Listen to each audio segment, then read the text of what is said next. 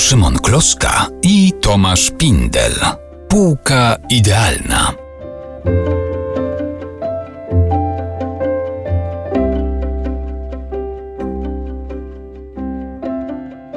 Zbliżamy się do naszej półki idealnej z kolejnym tomem w ręku. I na tej półce puste miejsce. Puste miejsce dlatego, że autorka, o której dziś chcemy opowiadać, jest bardzo słabo obecna w polszczyźnie. Dwie książeczki tak naprawdę się pojawiły. Jedna w latach 50., druga, druga nie tak dawno. To może już zdradźmy po prostu y, imię i nazwisko. Doroty Parker.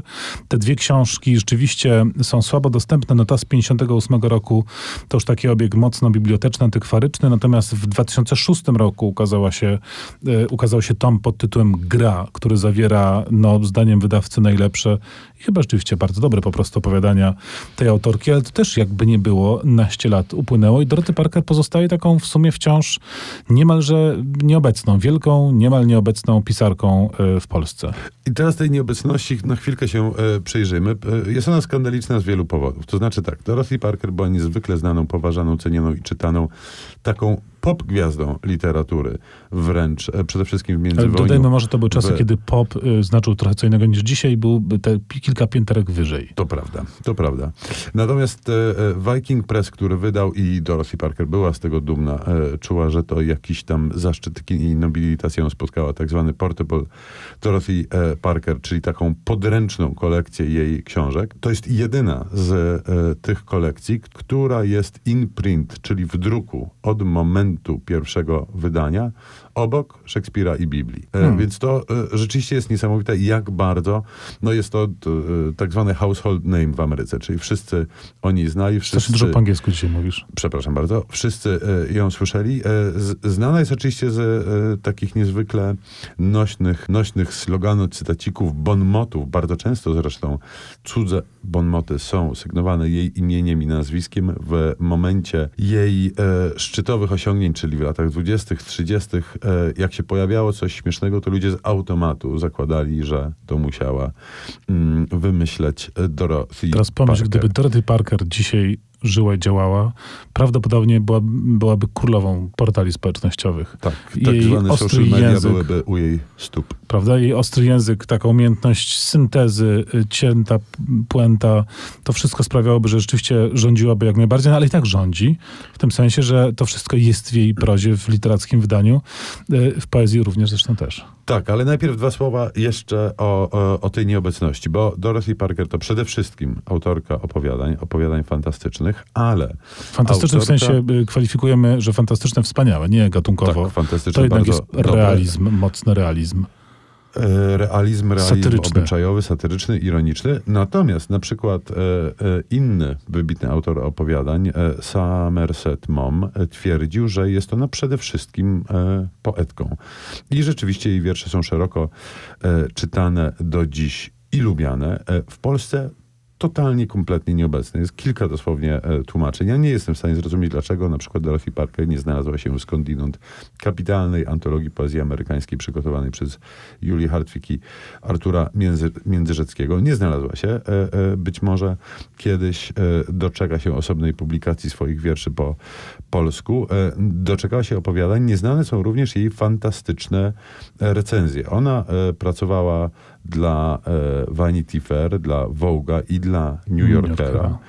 Mm, I zajmowała się recenzjami książkowymi i recenzjami teatralnymi. W New Yorkerze była e, nie dość, że najmłodszą, to jedyną kobietą odpowiedzialną za mm, teatr i to są fantastyczne rzeczy. Ona miała taką, taki cykl, który sygnowała pseudonimem Constant Reader, czyli Stały czytelnik. Stały czytelnik, który, o którym ktoś powiedział, że to nie są recenzje, tylko to, to są e, e, rutyny stand-upu komediowego. I rzeczywiście są to rzeczy bardzo, bardzo śmieszne, bardzo cięte, często opowiadające o rzeczach bardziej uniwersalnych niż komentarz e, dotyczący jednej książki. Na przykład e, taki świetny tekst o wyborze opowiadań Ernesta Hemingwaya, gdzie ona się pastwi nad percepcją Hemingwaya w Ameryce, która przyklasnęła jego powieści, nie, docze, nie doceniając e, jego opowiadaniom i nie doceniając opowiadań w ogóle.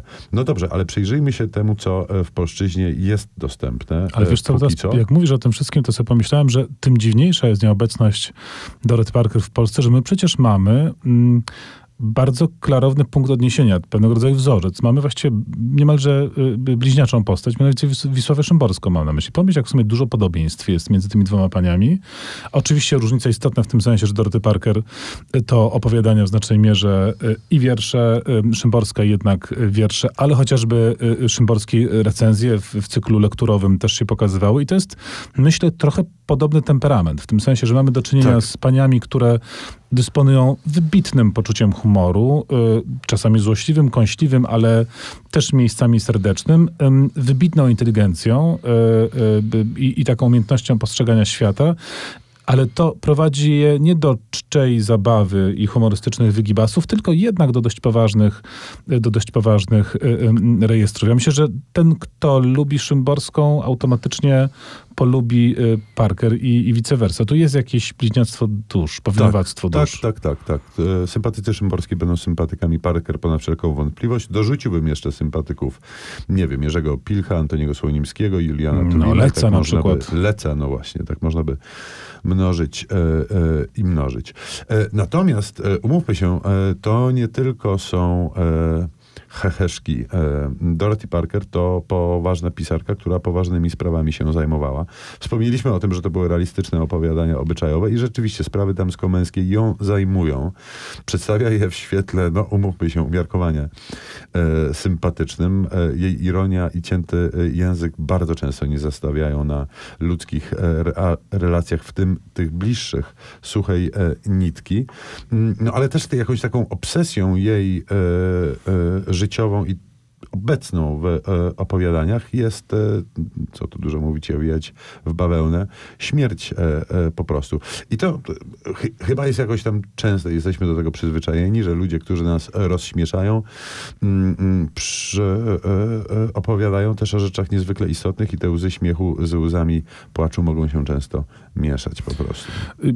Plusem ogromnym autorów opowiadań, i to dotyczy oczywiście Doroty Parker jak najbardziej, jest to, że łatwo ich sprawdzić, prawda? Jakby nie muszą, jeżeli Państwo na przykład nie znają Doroty Parker i nie do końca ufają naszym y, zapewnieniom entuzjastycznym, bardzo łatwo po prostu to zweryfikować. Wystarczy wziąć do ręki ten tom Gra y, z 2006 roku w przekładzie znakomitym zresztą Aleksander Ambros i na przykład sobie otworzyć jedno z początkowych opowiadań. Ja na przykład trzymam teraz rozwarty tom na stronie 24, tam jest walka płci.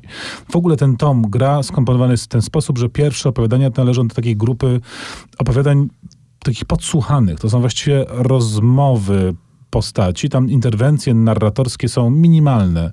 E, jakieś małe wprowadzenie. Potem mamy dialog. Dialog dwóch osób, przeważnie e, kobiety e, i mężczyzny. Czasami to są nieco inne konfiguracje. Nieprawdopodobne rzeczywiście takie wyczucie, umiejętność podsłuchania, złapania i oddania pewnych, pewnych, pewnych nastrojów, pewnych, pewnych sytuacji, pewnych reakcji. Takie wzajemne dogryzanie sobie, strojenie fochów, jakieś takie gierki wewnętrzne, kreowanie się na coś. No to jest niesamowicie precyzyjne. Trudno to streścić, bo to nie są historie fabularne. Mówię o, tych, o, tym, o tej, tej części twórczości właśnie dialogowanej, powiedzmy. Tylko oczywiście sytuacje, które wszyscy znamy. Ja mam takie zawsze wrażenie, że Parker chyba chodziła po mieście, tudzież jeździła komunikacją miejską i tylko nadstawiała uszu i wyłapywała te rozmowy i potem genialnie je e, komponowała w całość. W walce płci mamy taką typową sytuację. Y, kobieta, mężczyzna, oni są ewidentnie parą, y, pewnie jeszcze nie sformalizowano, nie małżeństwem. Ona ma o coś pretensje, on nie wie o co i cały dialog będzie nas prowadził w stronę tego, co właściwie tutaj jedna na drugiego się gniewa. Świetnie to jest zrobione. Tak, podobnie jest w opowiadaniu, które dzieje się w e, pociągu. E, e, są młodożeńcy, którzy się kłócą bez przerwy o nic tak naprawdę. E, ale kluczowe jest to, co e, powiedziałeś, że e, ona podsłuchuje, ale ważne jest to, że to są sytuacje, jak zauważyłeś, które wszyscy znamy. I tu jest jej geniusz ukryty, wydaje mi się też, bo ona z tych rzeczy, które są nudne, znane nam świetnie, irytujące wręcz jak, wręcz jak spotykamy się w tym e, e, e, z nimi w życiu codziennym, ona robi z tego literackie perełki. To znaczy jest w stanie tchnąć dramaturgię, inteligencję i, i, i, i, jakąś sensowność w normalne, codzienne, puste blablanie ludzi, które słyszymy z prawa e, i z lewa. Ona, e, e, powiedzmy to też e, uczciwie i otwartym tekstem, jest bezlitosna dla tych, których podsłuchuje. Nie zostawia rzeczywiście suchej nitki na e, ludziach. No i często też będziemy się czuli, umówmy się, umiarkowanie komfortowo.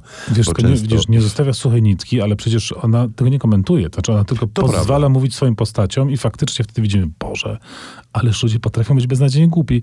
Co jest jednak cechą charakterystyczną każdej dobrej literatury satyrycznej. Myślę, że przynajmniej od czasów e, Swifta, Gulliverowskich podróży i, i, czy, i Voltera, jednak ta tradycja właśnie takiej filozoficznej satyry polega trochę na tym, żeby nam pokazać, że hmm, wiecie co, drodzy y, y, ludzie, nie jesteście tacy zawsze mądrzy, jak wam się wydaje. I faktycznie to jest taka proza, która nas obnaża. Dobrze to sobie czytać tak dla higieny y, umysłu, bo jak nam przyjdzie taka, taki moment, że zaczniemy sami paplać od rzeczy, no można nam się przypomnieć Doroty Parker i wtedy się powstrzymamy od kolejnych głupich gierek.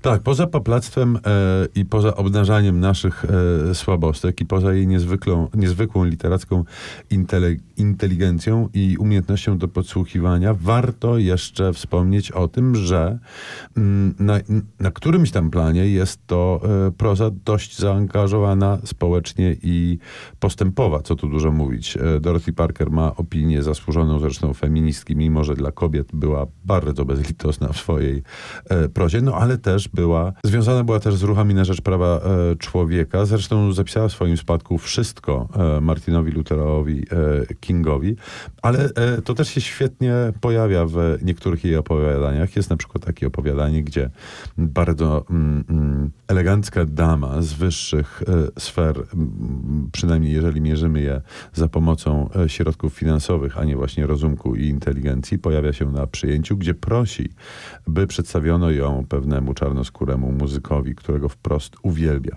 I e, gospodarz tej imprezy, e, który jest o to proszony, wysłuchuje jej e, czczej paplaniny o tym, o, o tym, jak to ona ceni sobie, no właśnie, czarnoskórych ludzi po prostu. Jak to e, kolor skóry nie ma dla niej żadnego znaczenia. W każdym zdaniu, dając dowód, e, no właśnie, swojemu niespecjalnie skrzętnie ukrytemu e, rasizmowi.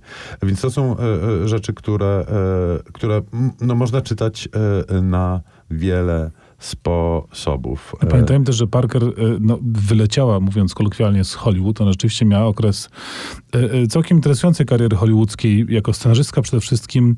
Jak Państwo oglądaliście być może niedawno niedawny remake filmu Narodziny Gwiazdy, to tą pierwotną wersję z lat 30 współpisała, współscenarzystką jej była właśnie Dorothy Parker. E, no ale potem przyszły lata 50., e, przyszły e, listy niepoprawnych politycznie twórców w Hollywood. Parker jako lewicująca na tej liście się znalazła i rzeczywiście kosztowało ją to właściwie tą hollywoodzką karierę. Tak dała sobie radę. To, to prawda. Ona zresztą nigdy nie ceniła swojej pracy. Była w ogóle skromną osobą, natomiast ta praca, którą wykonywała scenopisarska dla Hollywoodu była umiejętnością umiarkowanie przez nią ceniona, chyba też ze względu na e, charakter e, hollywoodzkiej machiny, gdzie ona miała poczucie, że to nie są jednak rzeczy no tak, autorskie, z... tylko po tysiąc razy przerabiane przez no to jednych, była fucha po prostu. Trzecich. To była, to była fucha, to prawda. E, my jednym słowem, tak sobie opowiadając, namawiamy Państwa, wiemy, że to jest trudne, zdobycie tych książek, umiarkowanie dostępnych i wstawienie ich na puste miejsce na półce, ale może słuchają tego tego podcastu wydawcy i tłumacze, bo to trochę w waszych rękach jest, żeby Dorothy Parker przywrócić polszczyźnie. Wydaje nam się to jak najbardziej pożądane. No tak, i myślę, że z naszej rozmowy trochę to wynika, że to po pierwsze jest świetna literatura i ogromna przyjemność i jakiś tam pożytek jednak z czytania jej tekstów będziemy mieli. Po drugie, właśnie osobowość. Y, y, ja przyznam, że mnie osobiście rzadko interesuje to, kim jest autor, autorka. Skupiam się na, na, na, na, na książkach po prostu, ale w tym przypadku ta osobowość, ten charakter y, piszącej jest tak wyrazisty i tak promieniuje z, z tych stron, że trudno jakoś się nie zarazić i nie zauroczyć. Tak, to jest też osobowość dość skomplikowana. E, już nie będę opowiadał o jej e, rodzinnych historiach, bo ona miała coś ona miała dość nieszczęśliwe e, dzieciństwo, później dwa związki małżeńskie, jeden mniej, drugi bardziej mm, e, udany. Była też, co tu dużo mówić, e, po prostu alkoholiczką. Natomiast jak każdy e, błazen, jak każdy stańczyk, jak każdy e, komik, mm, trzymała nas wszystkich na dystans. To znaczy, ponad wszelką wątpliwość, e, Parker była taką osobą, która nie dawała się e, poznać i będąc bardzo wnikliwym obserwatorem nas wszystkich dookoła, sama tej obserwacji się nie poddawała i jest nietłumaczony chyba na polskie. Przynajmniej nie byłem w stanie znaleźć wiersz pod tytułem pod tytułem Interior, czyli wnętrze e, po prostu, który jest taką no, no, konfesyjną spowiedź, czy wyznaniem wręcz e, tego, e, gdzie leży i jak dostać się można do serca podmiotu kobiecego, podmiotu lirycznego e, wiersza i że dostać się do niego nie można. Jest, jest tak skrzętnie schowane i e, ukryte. Rzeczywiście świetna pisarka i fascynująca, acz smutna trochę postać. Czyli stawiamy Tom Doroty Parker na naszej półeczce, zostawiając miejsce na, miejmy nadzieję, rychłe kolejne wydania poszerzające obecność tej autorki w Polsce. Tak, ona na wiele rzeczy zresztą e, musiała e, w swoim życiu, a nawet nie życiu, czekać, bo nie wiem, czy ty znasz historię jej pochówku. Nie. E, ona czekała na pochówek, przeszło dwie e, dekady, bo pani, która się ją zajmowała tuż przed śmiercią, bardzo była zła, jak się dowiedziała, że wszystkie, że wszystko zostało zapisane e, Martinowi Lutherowi Kingowi i postawiła gdzieś na półeczce jej prochy, które później przejął egzekutor testamentu i kolejnych ileś tam lat przeczekały u niego na e, półeczce, aż w końcu e, instytucja, która e, przejęła prawa do dzieł Parker się upomniała i jest i przez nich została pochowana chyba 21, o ile dobrze pamiętam, lat po śmierci. A Doroty Parker zrobiłaby z tego niezły tekst. Chciałem podkreślić, że jak my mówimy o stawianiu Doroty Parker na półeczce, mamy na myśli książki. Książki, nie prochy, tak.